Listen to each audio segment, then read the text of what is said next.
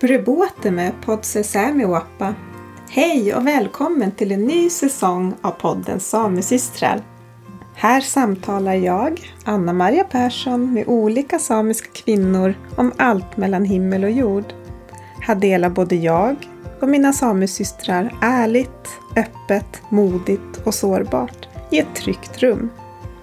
Varmt välkommen att ta del av mitt och mina samesystrars liv. Och den här säsongen finansieras av Norka Samediki, alltså Norska Sametinget och Svenska kulturrådet. Så tusen, tusen tack till er för att jag får göra det här. Välkommen till eh, podden Samesystrar, Anna-Maria Fjällström. Tack! Ja, och vi ska prata om, inte som jag tänker så här, det första jag tänker på när jag hör ditt namn, det är din forskning och ja, framförallt det då. Utan det här är ett samtal om någonting helt annat på det. Men du får gärna presentera dig för, för lyssnarna. Vem är du? Ja, ja men jätteroligt att jag fick komma och prata med dig. Eh, jag är ju en kvinna, mitt i förhoppningsvis, tänker jag, livet, som har byggt upp egentligen hela mitt liv. Eh, min vardag, min, mitt arbete, mitt familjeliv kring renen.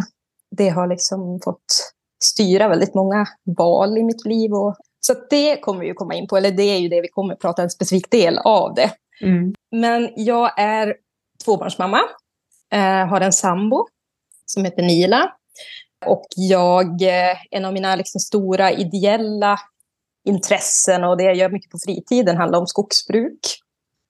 Skogsbruk, kanske egentligen mer om skogen. Jag tycker väldigt mycket om skogen. Och jag och min sambo försöker också på väldigt många sätt leva så självförsörjande i vilken mån det nu går. Så vi samlar, samlar mycket, vi plockar bär, vi jagar, vi fiskar, vi, jag odlar till och med lite grann mm. med begränsad går resultat. det? Där du bor? Nej, det går jättedåligt. Men i sommar var jag i alla fall självförsörjande på gurka. Och det är ja. väl i och för sig var det ingen annan i familjen som åt gurka. Men...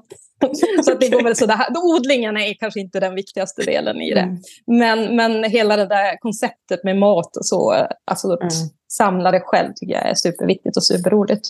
Mm. Där jag är uppvuxen är i Vilhelmina norra sameby.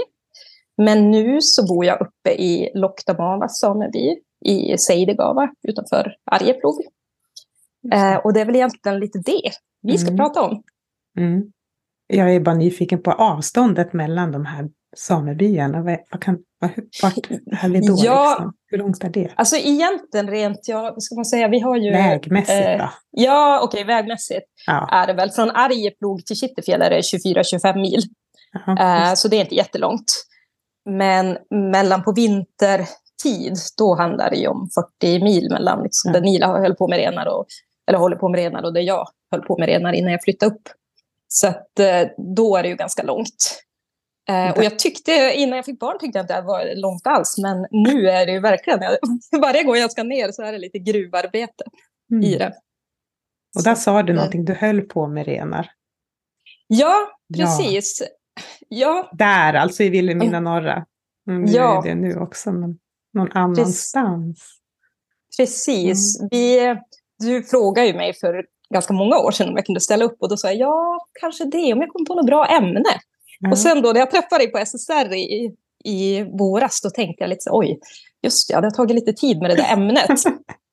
så jag försökte verkligen i sommar och då började jag tänka på det här med eh, någonting som jag ofta får frågor om nu för tiden, det är ju det här att byta sameby. Mm. Så att eh, jag föreslog ju det då för dig och du högg på idén. Så vi får väl se lite hur, hur, hur bra det blir och, och, hur mycket vi håller oss till det ämnet. Men jag tänker att det är så, ett så relevant tema. Ja, jag, jag tänkte lite i sommar. Alltså de vanligaste frågorna egentligen jag får. Eh, ja, men dels är det ju hur har det gått för dina renar? Alltså mm. hur har det gått för renarna och hur bestämde ni att ni liksom skulle flytta från Vilhelmina norra och slå påsarna ihop i Loktamavas? Och det kan man väl säga att där, det är ju ofta män egentligen det är liksom väldigt mycket rationella liksom, frågor och, och eh, strategiska liksom, mhm. tankar mm. de undrar kring mm. det. Kvinnor är ju oftare, frågar ju inte alltid, men oftare frågar man just det här med känslomässigt. Hur känns det liksom att lämna ja. en sameby? så det är ju som en, en annan del av det. Och sen är det väl sista frågan som jag också ganska ofta får eftersom jag rör mig eh, ja, men i andra sammanhang också när folk frågar men hur går det rent praktiskt att flytta? Får man bara liksom ja. liksom ta sina renar och flytta från det ena stället till det andra? Och hur, vem bestämmer vad? Ja. Så att, jag vet inte, jag tänker mig vi kanske hinner prata alla de här delarna. Ja, för den där sista med praktiskt, det har jag ju aldrig tänkt själv. Eftersom jag har ju renar, men jag är ju inte aktiv renskötare. Så jag har ju en, en begränsad renjord som, som någon annan släktingar kan sköta åt mig. Det är därför jag kan bo i Kautokeino och, och Tromsö och vara över världen som jag varit tidigare. Mm. Men, men så att den känslomässiga biten kan jag verkligen relatera till tanken på att flytta dem någonstans. Så, men, men det här praktiska, det har jag ju inte ens tänkt. Alltså, hur gör man det? Um, Precis. Att, ja. För du var uh, aktiv då renskötare i Vilhelmina norra, men... Ja, så jag och Nila träffades ju 2008 och vi flyttade ihop renarna egentligen 2016. Mm. Uh, brukar jag tänka som det då jag kom upp till Loktamavas. Så det är klart, det tog ju, det var ju åtta år innan jag flyttade mina renar. Och jag hade ju under ganska många år innan jag flyttade upp så hade ju jag då bott i Kittelfjäll under sommarhalvåret och så flyttade ner där vi har renarna alltså på vintern nere i Västernorrlands län under den mm. perioden. Och eh, hade väl egentligen det som huvudsysselsättning. Jag, jag glömde säga det, jag doktorerar ju faktiskt nu på ja. deltid eh, i 25 procent. Men redan då så jobbade jag, tog jag ofta på mig eh, jobb som konsult eller forskningsassistent eh, kring frågor som rör statsvetenskapliga ja, men intresseområden. Så att jag har ju varit... På det sättet kan man ju säga att jag inte jobbat heltid så med renar egentligen Nej. någon gång. Men majoriteten av min tid då, och det har alltid varit liksom ren, renskötsel som varit, varit det viktigaste. Så att jag som mm. verkligen försökt anpassa den typ av jobb jag har tagit så att jag skulle kunna hålla på med det. Och mm. nu senaste året har jag väl jobbat ungefär 25 procent med min doktorandtjänst. Så att det är en väldigt väldigt lång process om man säger så. Vi får se hur många år det tar. Men även det handlar ju om renskötsel så att det är inte så ja. att jag äh, är helt någon annanstans. Och så var det ju även då. Men då hade vi inga barn. Eh, mm. Och vi hade ju den förmånen då att ingen var liksom bunden till en plats sådär. Annat än med renarna, där renarna var. Så att då kunde vi så flytta oss ganska mycket. Vissa perioder, sommarhalvåret, var vi jättemycket med varandra. Ofta liksom, ja men, och vintern så var vi ju ofta ifrån varandra ganska långa perioder. Och när vi väl träffades då var det ju lite så att då var jag och hjälpte han med något renarbete där och så kom han ner och hjälpte mig med det. Och det funkade ju under den perioden ganska bra. Men det var ju ganska tidigt folk började fråga sådär. Ja men mm. kommer du flytta upp eller ska han flytta ner eller hur liksom tänker mm. ni kring det där? Så att den liksom frågan låg som och lurade ändå där. Och det blev väl ännu mer då när jag blev gravid efter ja, sex år. Enoch är född 2014, ja. Då blev ju den frågan väldigt, liksom, ja, det, då började det verkligen eh, väga även i mitt huvud mm. hur vi skulle göra i det. Och nu när jag tänkt på det så, just när jag var gravid med Enok, eh, den våren, då hade jag några kalvar på utfodring. Som, hade, ja, som vi hade satt på utfodring som vi hade nere hos min syster. Då. Och eh, det blev liksom aldrig något riktigt bra läge för de där kalvarna att jag skulle släppa in dem i vår egna jord. Mm. Eh, däremot hade Nila sina renar väldigt samlat. De körde ut en del foder och hö och sådär. Så att jag tänkte då att ja, men jag kanske testar med de här. Eh, så de brukar jag kalla testgrupp 1. Då gav okay. jag kalvar till Nila. Eh, mm. Som han då tog med upp och satte sina brickor på. Då. Eh, och den testgruppen gick ju jättebra. De, faktiskt två av dem lever ju fortfarande. Så det var ju som, det var en, det var en bra testgrupp. Att då kände jag, ja men de där, de verkar liksom, att komma upp som kalv på våren, det verkar funka mm. bra mm. för dem. Och jag vet också att jag fick en super, super fin ren av Nila den våren. Han hade hämtat en vårnjällrottno, alltså en tvåårig vaja från en annan sameby som eh, var väldigt, så här, ja, men väldigt fint byggd, höga fina horn, lite speciellt spräcklig i färgen. Eh, som han då märkte i mitt märke den våren. Satte sina blickar och det var någonstans där tänker jag lite av nu, det här, nu är vi någonting, någonting händer här. Mm. Men eh, sen fick jag barn och då kände ju jag väldigt starkt när Enok föddes. Jag, jag tänkte då att det här kommer att fungera. Och jag har ju sett väldigt många andra kvinnor runt omkring som har fått barn och inte flyttat med renarna och sådär. Utan ändå lyckats liksom få ihop det. Mm. Men jag kände ju väldigt starkt väldigt tidigt att jag vill liksom inte förlora någon tid med barnen. Och under första året, då var nog mina kollegor i Vilhelmina norra, det är klart att då tänkte de, de hade inte så höga förväntningar på mig och jag hade väl inte heller det att jag skulle kunna delta. Även om jag tänker att Enok var nog en av de som var på flest skilningar under sitt första år. Vi, vi åkte runt på skilningar och hämtade renar en hit och en dit, för det, det gillade han och det funkade bra. Mm. Men under det året så var jag också ganska mycket, jag hade ju varit ganska mycket och hälsat på Nila annars, men då var jag också så här provbodd, eller vad man nu ska säga, ganska mycket i Seidegava. Eh, också där han hade renarna på vintern utanför Moskosel. Och då kände väl både jag och han någonstans att ja, men det kanske ändå skulle fungera bättre för mig att flytta upp hit än vad det skulle göra för honom. Men sen ska man ju inte liksom sticka under stolen också. Så samebyarna idag är ju väldigt trängda. Alltså det, ja. det finns inte mycket plats som helst. Eh, och att det inte så här... Försöka tvinga in någon i en by är ju liksom risk att man skapar ganska mycket konflikter kring mm. det. Och det kan ju också bli med, med som renantal. Och det kändes ju, Vilhelmina norra var väldigt många unga människor på väg in och så. Det kändes inte som den platsen riktigt fanns där. Mm. Då tänkte jag väl under det här första året med Enok, ja men nu söker jag medlemskap. Och det gjorde jag. Så jag sökte till Dr. Mavas då. Mm. Och då, för de som undrar, så är det ju så att det är ju, alltså jag skulle säga att till syvende och sist så är det ju först medlemmarna i en by som bestämmer egentligen om man kommer in. Mm. Eh, alltså de bestämmer ju, och det kan ju bero på olika saker. Det kan ju bero på hur mycket plats man har, om man personen i fråga man tror ska kunna samarbeta med den. Ja. Eh, vad den, alltså den, ofta kommer man ju in för att man har en relation med någon i byn. Mm. Antingen som att man har hjälpt den att arbeta med renar eller att man är ja, men av kärlek som det var för mig och Nila. Så, att man har barn eller ja, men olika anledningar till det. Och då beror det förstås också på vad de andra i byn har för relation till den personen.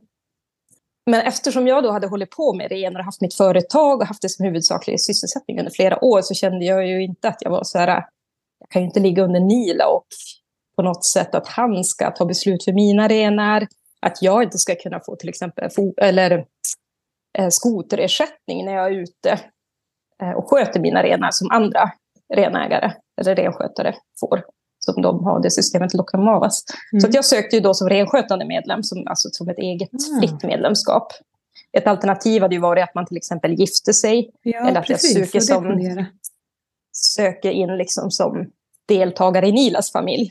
Mm. Eh, och det vet jag fortfarande inte hur, hur det gick, men hur, eller hur det kunde ändå gå så pass bra, eller vad jag nu ska säga med det.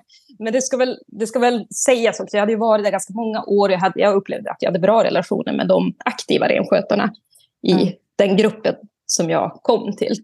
Så att, eh, jag var inte med på det årsmötet när beslut mm. tog i det, men vad jag har förstått så var det väl, det är klart att det finns alltid människor som hade åsikter om det. Men de, mina liksom kollegor i den grupp jag bedriver renskötsel så var det egentligen ingen av dem. Utan så det, det var ju människor. Plats. Det är ju så här, min ja. första bara, va? Finns det utrymme? ja, det är väl alltid liksom... Att, alla samebyar är så knökafulla och att det står folk och väntar hela tiden. Men det kanske, det kanske inte är sant. Alltså så är det väl egentligen alltid, för det blir ju lite så att man kommer in och konkurrerar med sina renar. Ja. Uh, men uppenbarligen så fanns det ju plats och jag tänker mig mm. också att de var de kanske behoven då av en person till i, i skogen och, och mm. sådär.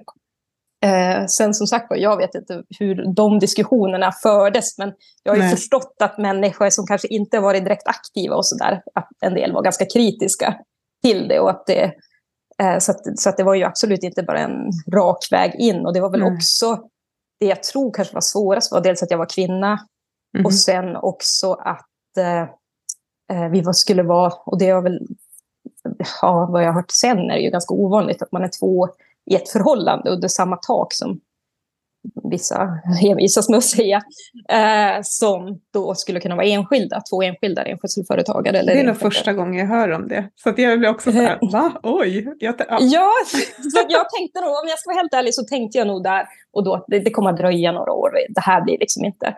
Sen ringer Nila på kvällen och säger, ja men du, nu är du medlem. Och då fick jag så här, nej men vad har jag gjort? Vad, är liksom, vad har hänt här? Hur gick det här till? Ja. Eh, men då ska man ju fortfarande söka om att få in sitt renmärke också. Det. Och det är ju inte heller en jättelätt sak, för då ska ju inte bara den egna samebyn som man söker till, utan också två eller tre samebyar bort från, nu kommer jag inte ihåg exakt, tror det är två byar bort från den här byn. Så, och här uppe är det ju väldigt många skogsbyar, så det var ju väldigt många samebyar som skulle liksom godkänna mitt märke. Och jag ska vara ärlig nu när jag har sett, nu när jag kommer upp, det finns märken som är lika och jag är evigt tacksam till de människorna som liksom ändå släppte in och liksom inte satte stopp av den anledningen Mm. eh, för märket. För att det gick igenom. Ett alternativ hade ju kunnat vara att jag måste ta ett nytt märke. Ja, och det hade här, ju ja, varit jättejobbigt. det här med men- känslomässiga band och allting. Alltså Ja, bara men- att flytta. Ja. Nej men jätte, jätte. Och den, alltså de månaderna, då fick jag ju så här verkligen stresspåslag. Så här, ska jag fara med mina renar nu? Hur ska det bli? Mm. Och pappa var lite så här, "Ja, men jag tycker nog inte kanske du ska eh, liksom ta med de äldre vajerna. I sådana fall flytta upp med de yngre vajerna och så får vi Mm. liksom lite se hur, hur det blir. Men då på hösten där, alltså dagen, två dagar innan tror jag vi skulle ha vår huvudskiljning. Då öppnade jag ett, det här har jag inte ens sagt till Nila tror jag. alltså då öppnade jag ett brev från Sametinget och bara, ditt renmärke är registrerat. Och, och då kände jag, då hade jag tänkt så här, men jag avvaktar till nästa höst. Nu har jag ingen renmärke, jag hade liksom haft det lite som sådär tanke. Jag kvar en vinter till och så får vi se. Så fick jag det där. Eh, men det höll jag för mig själv. Och så flyttade jag upp då, då de kallar jag testgrupp två.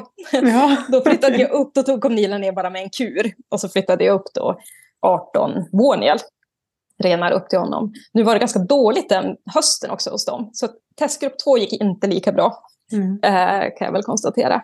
Sen var jag kvar den vintern. Och då var jag liksom, då hade jag varit föräldraledig ganska mycket ett år och sådär. Då var jag så här, ville vara ute och det var mycket, mycket, plis- alltså försöka få ihop det här med Enok. Och många gånger så möttes jag och Nila och bytte av varann. Så han tog upp Enok. Många gånger jag hade ju, jag har ju alltid haft väldigt tur att jag har min mamma, mina systrar och jag har en pappa också. Som hjälpte till mycket. Enok var mycket med pappa den där vintern på, när jag var ute och skotra och grejer på. Mm. Den vintern, då tror jag verkligen att jag kände att nu får jag liksom lite välja mellan att kunna ha en Enok med och då kanske bli liksom mer, ja men man kan vara med, eller inte ha Enok med för att kunna jobba med renarna. Jag hamnar liksom lite i den känslan ofta. Att det blev att välja mellan dem. Till exempel vårflyttningen, då var Nila, när vi höll på att samla till den, då, då var Enok uppe hos Nila och så kom de bara ner en sväng. Och så, så att där någonstans då började jag landa i det beslutet. Och det är väl lite så, det här att kunna bedriva renskötsel ändå som en familj, Mm. kunna liksom ha med barnen och kunna vara liksom båda två aktiva ute. Så det är någonting jag har drömt om sedan jag var liten tror jag. Så att eh, det var ju, när jag liksom tänkte på att det faktiskt var en möjlighet för mig, så börjar ju det kännas mer och mer lockande. Och eh, det har ju varit väldigt, jag är väldigt tacksam nu att jag flyttade under den tiden. Eh, dels för att innan barnen började skolan så var jag inte som bunden på det sättet. Vi hade Mm. några år när vi väldigt kunde liksom, ja, men vara hela familjen väldigt mycket. Och är man då två renskötare och har barnet med så kan man som hjälpas åt ganska mycket, vilket gör att barnen... När jag var själv och skulle ha med barnen då blev jag ofta liksom en stress kring det och man känner sig, ja men nu kan jag inte varken ta hand om barnet ordentligt eller nu kan jag liksom inte fokusera på det eller på renarna. Så att jag är väldigt tacksam över att jag flyttade då. Och då var det så, jag vet faktiskt inte, jag inte frågat mina kollegor och min farbror och sådär, men de har ju alltid flyttat till fots upp på våren. Och då egentligen bara tagit ihop renarna i olika stora hagar och så flytta efter. Men Mm. just den här eh, våren så valde ju de också då flytta med lastbil upp. Så att eh, eh, de tog då in och så fick jag skilja ut mina renar på våren. Eh, Mm. Och det var Allihopa, väldigt... eller? Ja, så då hade jag en liten... Jag, jag, är, ju, jag är ju verkligen eftertänksam. Jag, det här är ju ingenting jag har gjort i en handvändning om man säger så. Mm. Då hade ju jag tänkt ut så här att jag köpte unga renar i Granbyn. Jag Mhm. köpte Våniel av eh, två bröder i Granbyn. Och sen så sålde jag ganska mycket av de äldre vajerna. Men sen blev det också så att några vajer blev kvar hos pappa. Eh, och har varit kvar där mer eller mindre under hans liksom, eh, beskydd eller vad man nu ska säga under de här åren. Men jag hade i alla fall en lastbil som jag då lastade upp. Och det här var också så otroligt fint. Min kusin Neila då, som är lastbil, eller han har lastbilskort, han hade lånat en lastbil precis då. Så han eh, körde ju den här lastbilen. Och så körde jag och Nila då med, med kurar eh, upp. Så det var som så himla fint att få lägga den här, liksom, lägga det i hans händer, någon som jag var väldigt trygg med. Men det var ju lite så att jag ringde ju han, jag vet inte hur många gånger. Och ringde bara, nu kommer en kurva här, nu möter jag den här. Så sista mm. biten där, sista där grusväg ut till eh, Seidigava, till Rävudden, då, då sa han, men du vet Anna-Maria, jag har ju kört lastbil i Norge, jag tror inte du behöver oroa dig. det här kommer att gå bra. Uh, jag bara, ja det är ju lite dålig väg där och du, du, du. Så att jag var ju... Mm. Så att mm. när jag väl hade släppt av renarna jag hade med, då var jag så himla trött mentalt. Så att uh, det blev Nila som fick hjälpa Neila då uh, och lossa de där renarna. För då hände ju min huvud, liksom, nu är alla döda, nu är det typ, ja, hur har det här gått?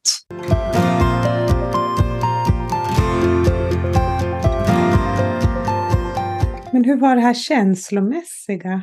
Alltså, för det låter väl som att det har gått väldigt fint allting, men, men just det här ja. att liksom flytta och se vaj, i och för sig du köpte, men hela den grejen tänker jag på att liksom jag kan få så här, ah, ska, ska min vaje som har varit där på de markerna, ska hon någon annanstans nu? Och sviker jag mitt hem, mina marker, mina förfäder? Alltså, det blir så, för mig blir det otroligt känslomässigt. Det är bara liksom det, vid tanken på det. Har du upplevt något liknande? Alltså det här känslomässiga? Ja men definitivt. Alltså den, alltså för att när jag hade lossat de där renarna då stod jag och min eh, svärfar Martin då som har varit väldigt, eh, väldigt hjälpsam liksom, kring den här flytten. Och väldigt, liksom, då stod vi och fodrade mina renar där i en hage för att vänta ut att Nila skulle komma liksom, flytta upp med sina renar. Och då vet jag att jag tänkte så att jag hade otroligt dåligt samvete mot de här vajerna och bara, men här har jag tagit hit nu, precis liksom, bara några veckor innan kalvning och så ska ni behöva stå i en hage här. Och, så då kände jag ju, ja, det var, en väldigt, det var som en väldigt jobbig känsla. Samtidigt så har jag tänkt sen, det var en så fin vår. Eh, att jag hade så mycket med mig och det har jag liksom ändå... Mm. Jag vet inte om jag är så väldigt positivt lagd, men jag hade, det blev blött efter sjöarna efter Piteälven. Så att eh, efter två veckor när Nilas renar kom, då kunde jag som släppa ut de här renarna och då töade det jätte, jättefort till fjälls. Så vi var ju uppe, jag och Nila låg uppe till fjälls, sov några nätter, bevaka liksom. Men det töade väldigt fort och renarna, de renarna stannade väldigt bra. Mm. Och det har jag liksom haft med mig som något väldigt fint. Att, ja men lite som ett tecken, du vet. Det, mm. det kanske var lite meningen med det. Men det var ju väldigt smärtsamt och det var hemskt när jag skulle lasta de där renarna. Och jag, som sagt jag klarade inte av att lossa dem där ens en gång. Mm. Och jag tänkte på att det var fysisk trötthet, men jag tror att det var lika mycket liksom, mental trötthet mm. över det. Men sen var det också väldigt fint för att eh, ett, som, ett minne som verkligen har satt sig in, det var när en äldre man som heter Per Henning Bär, eh, Anders Henning Bär, menar jag, eh, som eh, kom upp när jag stod och fodrade med några lavsäckar. Och bara, mm. ja men jag vill ju välkomna dig och dina renar. Så jag kom. Mm. Och det, det var så himla fint. Han är väl, ja han är över 80 år nu. Men mm, det minns jag som något väldigt, väldigt fint ja. i det. Och eh, bärarna, eh, alltså hans släkt, är ju sådana som jag är uppvuxen med också från Västerbotten. Mm. Hans släktingar flyttade ju ner från Loktamavas ja. till Vilhelmina norra. Så att eh, mina liksom, första barndomsvänner var ju bärare. Så att det fanns liksom flera sådana där kopplingar som jag har tänkt på som väldigt fint mm. kring det där. Men absolut otroligt speciellt att flytta och eh, långt ifrån liksom... Jag var nog väldigt rädd också att jag skulle ångra mig. Eh, ja, för det också... är ju någonting också man tänker på. Eller jag tänker Precis. på direkt, alla de här rädslorna. Och det är ju rädsla om saker som kan ske i framtiden som vi inte har en aning om. Men mm. eh, att det lätt kan komma. Alltså vad händer om det inte funkar, tänker jag mig. Tänk om det blir separation. Fast nu har du ditt egna företag. Så det är ju en, en väldigt viktig skillnad. Alltså det är ju...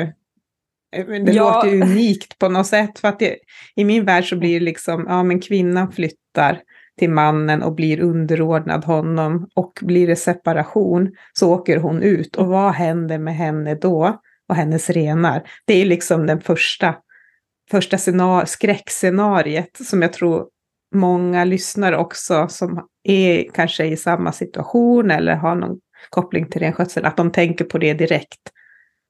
Att det, ja, att det, det är som en sån grej. Men, men, så är det ju inte för dig. Alltså du kan ju inte nej. åka ut på det sättet. Nej, nej, då får de verkligen jobba. Men det är klart, ja. alltså, man ska ju vara någonstans. Ska man jobba med renar så behöver man ju vara i en gemenskap och ja, man ska ju trivas i det. Ja. Men eh, nu har jag ju också mina barn, kommer liksom, det här är ju liksom deras hemplats nu. Det. Mm. det är egentligen, jag tänker på under ganska många år i mina norra flyttade ju dels två killar som var jämngamla med mig, varav den äldsta av dem eh, flyttade ju till en annan by, till sin flickvän, till Vilhelmina mm. södra. Okay. Eh, mm. och flera av mina vänner också har ju deras män flyttat in i deras samebyar, flyttat ner. Så jag tänkte nog snarare att nu gör jag, jag gör något tvärtom här. Nej, men vad det är kul. klart att det finns väl alltid liksom så bilder om, ja men den byn har inte de väldigt stort område, det är inte väldigt bra bete. Mm. Alltså den typen av tankar har man ju ofta fått mm. frågan om. Hur, hur tänkte du liksom med det? Mm. Och det är ju, eh, så är det ju alltid, men som sagt var, alla byar är ganska unika. Ja. Och jag tänker man ska ju trivas liksom med dem man ska jobba med och känna ja. att det finns plats för en där. Och sen ska det väl också att jag var väldigt, jag hade en bra relation med människor i Vilhelmina norra och har det fortfarande. En större del av dem är ju faktiskt mina släktingar. Mm. Och eh, jag eh, under hela min uppväxttid, eh, eller inte uppväxttid, då var det ju faktiskt, men hela min liksom, tid som vuxen renskötare och så i Vilhelmina norra så hade vi en kvinnlig ordförande, Karin Bär.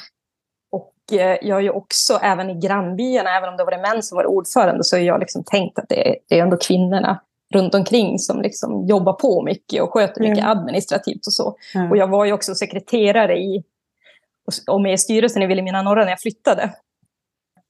Vilket, eh, så jag tog det nog lite för givet att kvinnor ändå på sitt sätt kan slå sig in. Men det är klart det har varit mycket sådana administrativa poster många mm. av kvinnorna har haft. Och mm. jag insåg under de där sista åren när jag var kvar i Vilhelmina norra så var det väldigt mycket vindkrafts eh, de ville bygga vindkraft, det var ganska mycket kring det.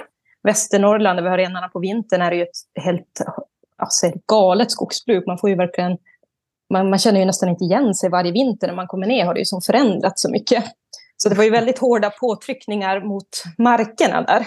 Mm. Eh, vilket gjorde mig väldigt, väldigt ledsen. Och jag tänker ibland, sen när de pratar om att människor måste flytta, så kände jag också att klimatet inom byn, med alla de här vindkraftsparkerna, blev så otroligt mycket hårdare. Och sen så tänkte jag då att det finns ju ändå utrymme i Loptomava. Så det var ju eh, Det är bättre förhållande där. Ja, alltså på för vinterbetet. Mig, jag skulle säga för mig är det, och det är lite det ja. också. Jag tänker så vi pratar just det här, ja men många undrar och jag hoppas att inte någon ska liksom ta det här som någon mall. För lite mm. är det ju så att jag och Nila har ju varit ganska privilegierade har jag insett nu. Mm. Jag är ju uppvuxen i en familj med bara systrar jag var fyra systrar. Jag har ju fått märke tidigt och liksom på det sättet ändå känt att det har funnits plats för mig och det har funnits ett behov av min arbetskraft. Eh, och Nila, han har ju hållit på med renar sedan han slutade gymnasiet och har ju, om, jag vet inte hur man ska säga det, men han har ju ändå så pass mycket renar så att han har en ganska stor möjlighet att liksom använda det som, ja, för att kunna ta beslut. Mm. Så att jag såg väl den möjligheten för mig att vi kommer tillsammans bli väldigt, väldigt starka.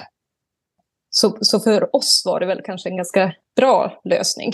Mm. Eh, men det är ju långt ifrån att det är så för alla och ibland kan man ju yeah. Alltså, som, som jag sa, renskötsel är ju ett samarbete och, och även om jag har hållit på med renar så är det klart att jag har varit beroende av liksom, min pappa, jag har varit beroende av mina kusiner, mina, min svåger, alltså väldigt många män har jag liksom ändå varit beroende av för att kunna liksom, hålla på med renar och så. Och då mm. kan det ju i ett modernt samhälle kan det vara lättare att vara beroende av sin sambo. Som man, ja, du vet, har många olika band till ändå och är beroende av varandra även av andra skäl. Mm. Så det har väl jag tänkt att det, det är ju lite, lite lättare på det sättet. Eh, så det kan nog skilja sig väldigt mycket åt hur man, hur man tänker kring det. Men tillbaka till det här som du sa med marken och så. Ja, för det där är, det ju, är ju anknytningen till marken. Eh, precis, och det är ju liksom... Jag kommer ju alltid tänka, alltså mitt matt och mitt liksom... Där jag kommer ifrån är Vilhelmina norra sameby. Och jag är ju fortfarande, är ju nästan... Ja, jag tror i sommar var första gången jag inte var på en kallmärkning. Jag är ju nästan alltid nere på kallmärkningar, skiljningar och sådana lite större tillställningar. Brukar ju åka ner och träffa folk och sådär. Så att jag, de där relationerna är så viktiga och jag mm. har ju fortfarande vissa platser så som jag ja, men gärna tar chans och åker till när jag åker ner. Så den relationen, den, den försvinner ju inte. Mm. Uh, den, kommer nog, den finns nog alltid med mig. Men det är klart att mina barn, deras makt mm. blir ju liksom här uppe. Uh, men sen så tror jag också, alltså de senaste liksom 50 åren, då, då har ju det här med sameby varit väldigt liksom fokus och pratar man om det idag, då är det ju väldigt så här, laddat. Det är ju verkligen som superviktigt. Är man inne eller utanför i en sameby? Men om man tittar lite så här tillbaka i tiden så har ju människor alltid flyttat. Alltså man har ju flyttat runt mycket egentligen mellan byar. Min, eh, min aja på, mm. pappas, på min Aches sida, de var ju i Umeåbyn. Men hans, ah, hans chichi kom ju från Ranbyn. Mm. Och som släktingar från Granbyn. Och eh, på min Akkas sida har ju varit Vilhelmina norra, men men också Vilhelmina södra och på, på min Chichaka sida där är ju som Vapsten och Umeåbyn. Så alla de här byarna har ju jag, jag har egentligen nästan hela Västerbotten, det är väl Malå då, nästan, som jag inte har släkt. Och sen eh, på det sättet har nog min tanke ändå tänkt att det här med gränsdragningar, sameby, liksom den konstruktionen, den kan ju vara superviktig. Men det mm. är ju på något sätt ändå någon slags marken hör ju ihop. Renbetesområdena liksom sträcker sig ju väldigt långt. Men man måste ju fortfarande, och det har jag tyckt var väldigt viktigt, alltså skapa egna relationer till marken som man kommer till. Så att jag har ju lagt ner, jag vet inte hur mycket tid, nästan all ledig tid har jag liksom vandrat, åkt skidor. Mm. Mm. Eh, ja, men, när vi har haft möjlighet eller när vi hamnar i den situationen, att en ska vara hemma med barnen, då har jag alltid tagit, ja men då åker jag ut liksom, och, och jobbar med renarna. Men det tar tid och jag mm. insåg ganska snabbt att jag, jag kan inte ha några andra, så här, allt annat måste jag liksom lägga åt sidan. Jag måste liksom fokusera på det. Och man kan väl i alla fall säga, eller renen har ju, renen har ju en väldigt fin eh, funktion att få en att känna hemma, känna sig mm. hemma. Mm.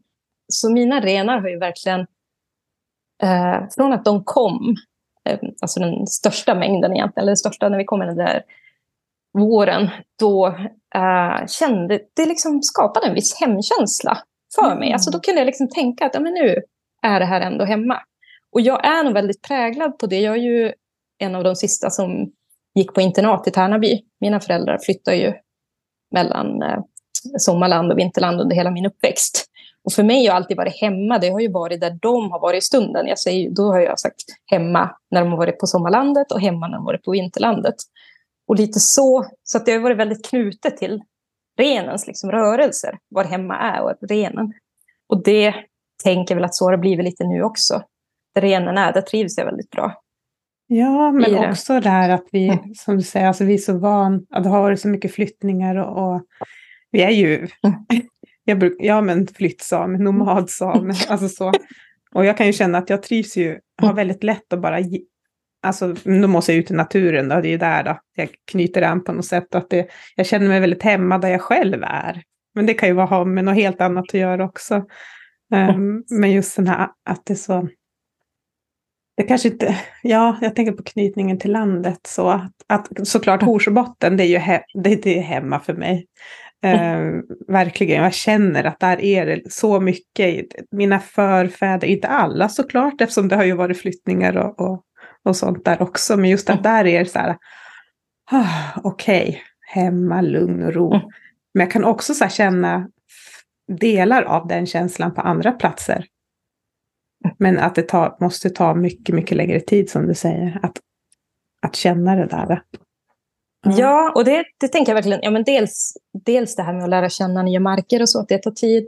Men också sen jag fick barn så kan man säga, jag, pengar har aldrig varit någon drivkraft riktigt för mig. Det är klart pengar är viktigt.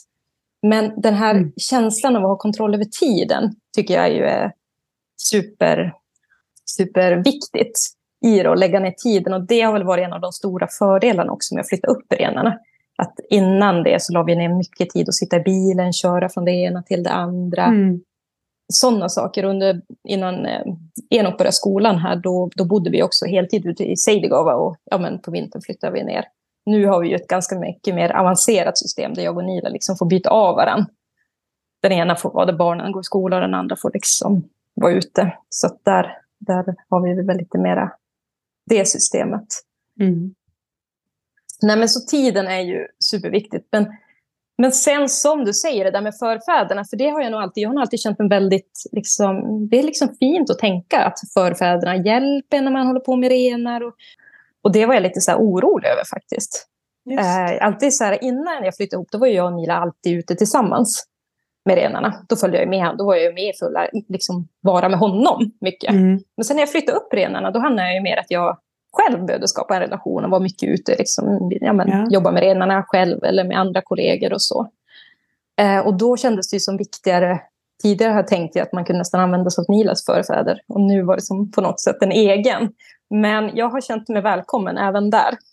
Mm. Ska jag väl säga att det är. Så att jag har väl ganska ibland nästan känt mig som Ronja Rövardotter när jag sagt till Nila, men idag ska jag köra ner dit och titta hur det, hur det ser ut, hur isarna bär där ungefär. Mm. Att, och det är väl, det borde jag väl ha sagt i början, jag är ju en tid i livet när jag är ganska förnöjd. Så vi, vi har ett bra liv. Det finns mycket hot och så med renskötsel, men just det går ändå bra. Det har gått bra för mina renar. Så det finns ju en risk att det blir liksom ett rosa skimmer över det här samtalet. uh, och det är ju liksom en Eh, det beror väl på var jag sitter idag och så. Och vi är ju... Men men vi behöver alltså... rosa skimmer i den här, för det ja, är så mycket som sker nu med allt möjligt i Sápmi. Ja. Alltså det är bara helt galet allting. Så att det här Nej, är ju en härlig historia att få ta del av. sen har vi på något sätt också haft ett väldigt bra renskötselår framför oss, eller ja, bakom oss. Bakom. Så det har ju varit super, det har jag verkligen njutit av sista året. Hade man frågat det året när Saila var, alltså min yngsta var bebis och vi fodrade och jobbade i skift och det, men det var ju helt hemskt. Då hade man kanske funderat lite mer. Och sen så är det väl, det är ju alltid sådär, man ska ju liksom skapa, det är inte bara marken man ska skapa relationer med. Det är ju andra människor, det är ju andra normer. Ja, exakt. Och Kanske en annan typ av renskötsel. Funderar på Precis. Också. Eh, ja, det också. Språket? Är det någonting? Språket? Eh, ja, alltså väldigt mycket går ju faktiskt på nordsamiska. Det är ju ja. det vi liksom i renskötselarbetet. Mm. Så det är ju klart. Men sen normer också. Många gånger har man ju tänkt, men var, varför gör de så här? Mm. Och flera gånger har jag väl också, det har väl hänt att när jag har känt liksom en viss irritation, att jag rent av ringt upp liksom andra och bara, men alltså är det här okej? Okay? Vad, vad, är det liksom som, så här kan man väl inte göra? Eh, så det kan ju vara, det är ju definitivt en prövning, att man kan se på saker och ting på olika mm. sätt mm. i det. Och man kanske kan bli lite osams rent av ibland ja, om vissa ja. saker. Men generellt ska jag väl säga, jag är ju då en sida med, med Nilo och hans syskon. Och vi har väl ganska liknande syn på både renen och hur man ska jobba. Vi åker ju ganska mycket skidor ja. eh, när vi kan. Och vi, vi har väl som ja, men ett, ett bra samarbete kring det eftersom vi har ja, men samma sätt, syn att se på mm. det. Hade det varit så om man kom och absolut inte ville åka skidor, då tror jag det hade varit jätte, jättejobbigt, till exempel på vinterrider, där man hade en annan tanke kring hur det skulle skötas. Ja, ja. Uh, men, men det där, ja, det, det händer ju ibland att man bara, nej men, nej men det här går ju inte. Men sen kan det ju också vara så att vissa saker som jag bara tänkte, men det här, varför tar vi helikopter sista 200 meterna in i kallmärkningshagen? Ska inte det gå utan det? Vi har ändå en sjö. Så kan jag idag bara, nej det är inte värt risken. Nej, nej vi kör med helikopter. Så att man ändras okay. ju också utifrån där man är. Mm. Så att, äh, ja, nej, det, det finns definitivt både för och nackdelar med det. Och det, det är som sagt både normer och människor man, man ska lära känna. Och det blir ju, för mig har det varit ganska viktigt också att det inte blir liksom jag och Nila bara, utan jag har verkligen försökt. Och där har ju kollegorna som är i Arvasgruppen varit väldigt schysst. Eh, alltså jag har ju följt med många, ja, i princip alla olika, hängt med dem och vi har hjälpts åt på andra sätt också. Ja, men att du är eh, det, din egen där, det är ju en jätte... Precis. Eh, Så, och man lär sig ju alltid något nytt när man är ute med någon annan person. Mm. Då får man ju liksom nya historier om platser och man får ju liksom så att det har jag verkligen i den mån det har varit möjligt försökt göra och verkligen uppskattat också när jag har kunnat gjort det. Ja, mycket vi har hunnit prata om.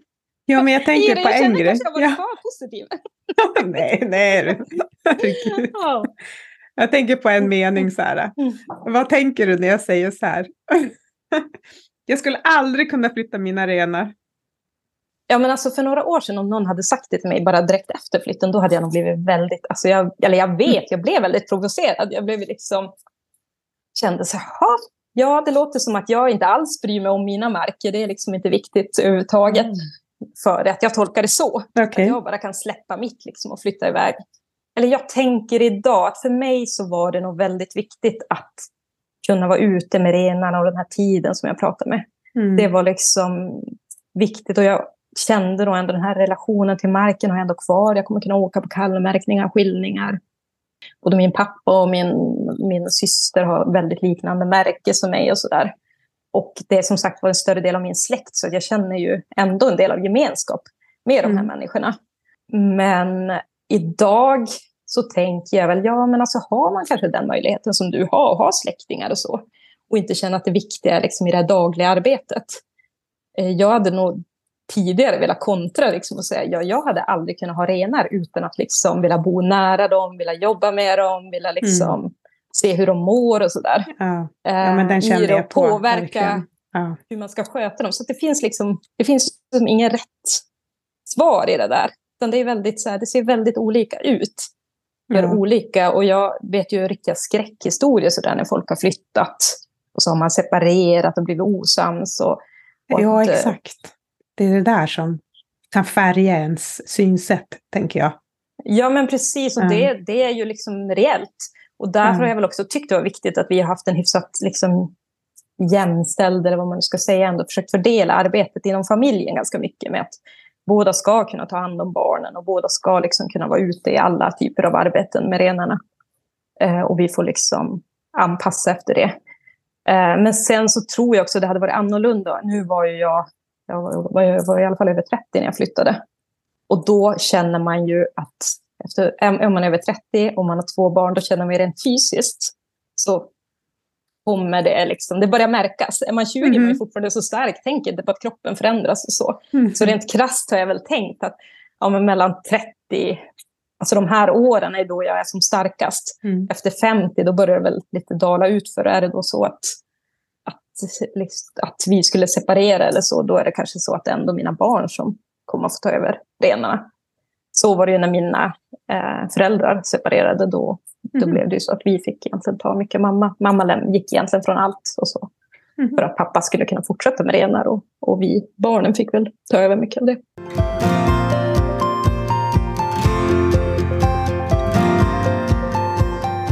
Jag vet inte om jag nämnde det, men där 2008 när jag och Nila träffades, då hade jag varit med om en väldigt...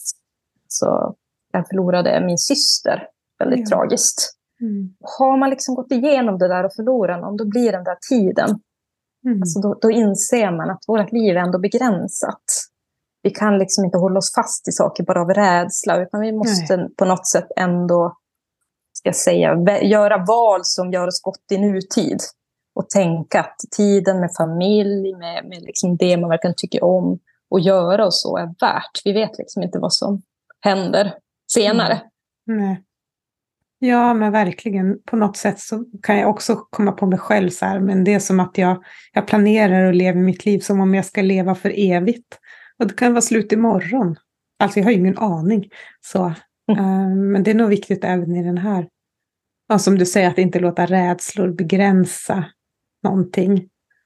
Och eh, det som det, det jag hör så låter, ja men du har ju sagt det själv också, Mm. att du är på, på en väldigt fin plats. Och allting, det var, det, ja, rosa skimmer och en fin härlig historia. Men med de här små Mm. grejerna som du säger att Mm. där började, när du hade släppt renarna och det började, våren tog emot er, de bra. Och, ja, det låter som, det är en väldigt fin historia. Eller, det är ingen historia, det är ju ditt... så, just att... ja, ja, men alltså sen är det ju lite så här, det blir väl lite som någon slags skydd, skulle man börja analysera allting. Hur hade det varit till exempel om vi hade flyttat ner? Hur hade det liksom... Så det är klart att man kan ju alltid... Alltså det jo, finns ju alltid ja. att jämföra med andra. Men jag har väl lite så här, nu har jag inte tänkt på det så väldigt mycket, men åren innan jag flyttade tänkte jag ju så otroligt mycket på det här med och, vad innebär det och, och så. Och sen när jag väl hade bestämt mig på något sätt så var det väl ändå så här, ja men nu får det lite bära eller brista. Nu, nu kör vi. Jag tror både jag och Nila var lite förvånade över att jag inte har liksom, ja jag vet inte, eh, varit mer så här, åh, hur hade det varit om jag hade liksom inte farit, eller fy fasiken, nu lämnar jag det här och drar tillbaka. Igen. Kan det inte, kan det inte också lite så här, alltså, om, om man hittar hem i en kärleksrelation så är valet det kanske inte lika svårt på något sätt. Nej, och det tänker jag, alltså, att Nila har varit så trygg i det här. Och sen ska jag också säga att Nila var ju väldigt, så han kändes väldigt öppen med att vara, han var mycket nere i Vilhelmina norra och försökte verkligen sätta sig in, fråga runt, var ute med min pappa mm. under många år. Liksom, försöka liksom verkligen känna efter om det skulle passa honom.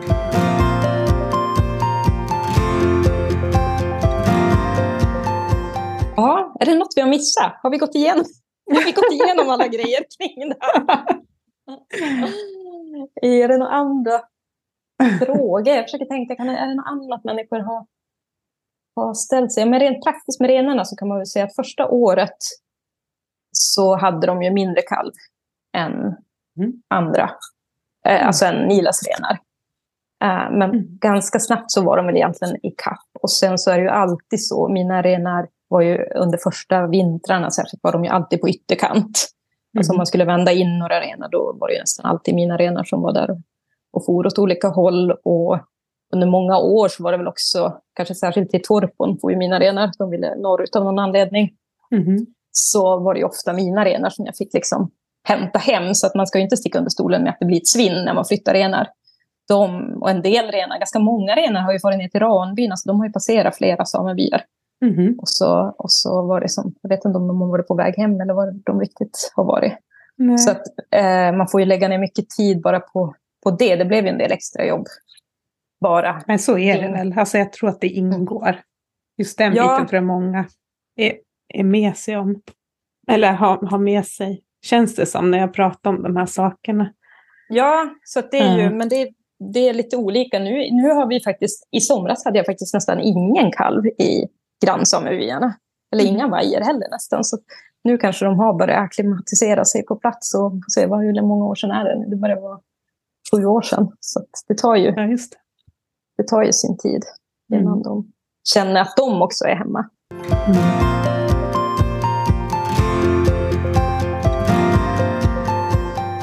Det är nog också på något sätt, jag vet inte om när jag var yngre, jag har ju jobbat ganska mycket med så jämställdhetsfrågor och mm. feminism. Mm.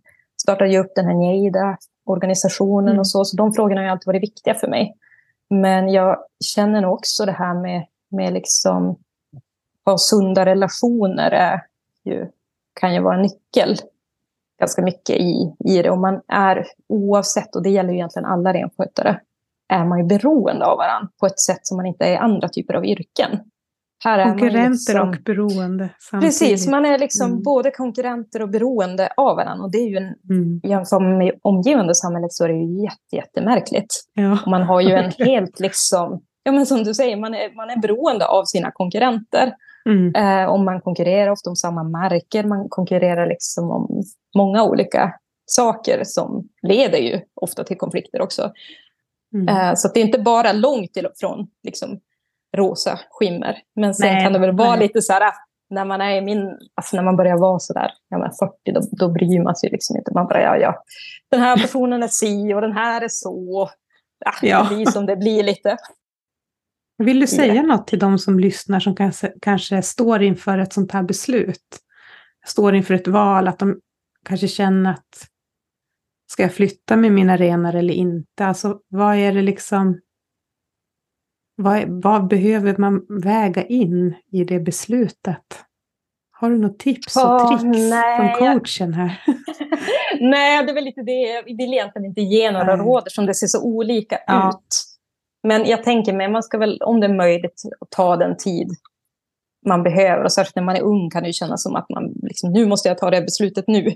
Men, Ja. men så är det ju oftast inte, utan man ska nog ta det liksom, ta det lite lugnt, tänk igenom och prata med människor runt omkring och lära känna liksom, marker och människor dit du eventuellt vill flytta. Ja, men Eh, precis. och sådana och saker. våga landa i sitt eget beslut och känsla. Oavsett Ja. vad folk säger. För många kan ju säga, ja, men ska du flytta dit nu då? Man Mm. bara, men stopp. Alltså måste jag veta det? Måste jag svara dig det? Alltså så.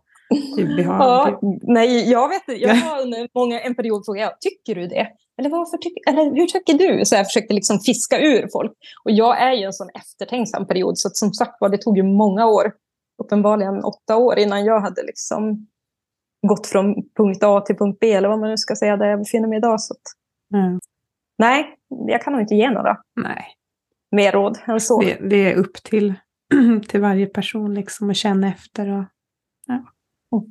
Och så. Mm. Ja. Som Det med allt kan ju- annat, tänker jag. Ja, ja men precis. Mm. Det, det är Mm. väl så. Det är svårt att ge råd när förutsättningarna ser så olika ut för, för många. Ja. Och det ska man väl också säga med samebyarna är ju väldigt kan ju skilja sig åt väldigt mycket. Det, det tror jag inte att jag hade... Alltså det är klart att jag tänkt och veta om det, men det blir ganska tydligt när man flyttar från en by till en annan. De, man tolkar liksom vad en sameby är och hur den ska fungera på lite olika sätt. Och det kan väl också vara lite så synen på vad renskötsel är och så kan ju också skilja sig mellan olika områden. Jag tänker Oh, ja. ibland Ja. att jag flyttar mellan två län. Och ibland kan jag väl tänka att i Västerbotten slog ju det här med rationaliseringen väldigt... Man skulle ha stora jordar och man var liksom hellre färre.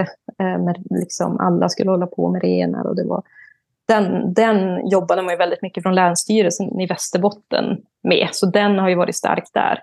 Och sen när man då läser som statsvetare om lappfogdeväsendet i Norrbotten så har ju det, jag skulle säga att det har hängt kvar mycket längre. Och Arjeplogsområdet där det under ja, men, vissa perioder efter tvångsflyttningarna uppstod mycket konflikter och man hade ganska hård styrning från staten. Så det är klart att de byarna formades på ett annat sätt. Mm. Och det är väl lite det jag, tycker vi ska vara rädda om, den möjligheten att kunna på något sätt skapa, att det finns möjlighet att tolka samebyarnas liksom funktion utifrån lite lokala förutsättningar och, och normer och så. Och det, det tycker jag väl ändå när jag ser på de här olika byarna, att jo men det, det kan nog vara så att det finns de möjligheterna. För här är det i alla fall två som till viss del har gjort det. Mm. Vad har vi mer? är vi nöjda Ja. där? Ja, vi kanske är nöjda där. Känner, Mm. känner du dig?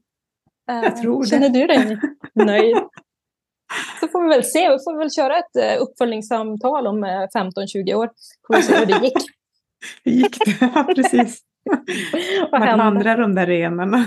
Precis, hur gick det Mm. för dem? Mm. Vart tog de vägen? Ja, nej, men något jag verkligen önskar alla, det är väl den här tiden ute i naturen och det här. Eh, vi pratar inte så mycket om, om det. Så det, det här, och- ja, men som du säger med markerna och så. För många blir det ju så att man kanske bara har tid att åka hem under den, precis när det är aktiva liksom renskötselarbetet och så.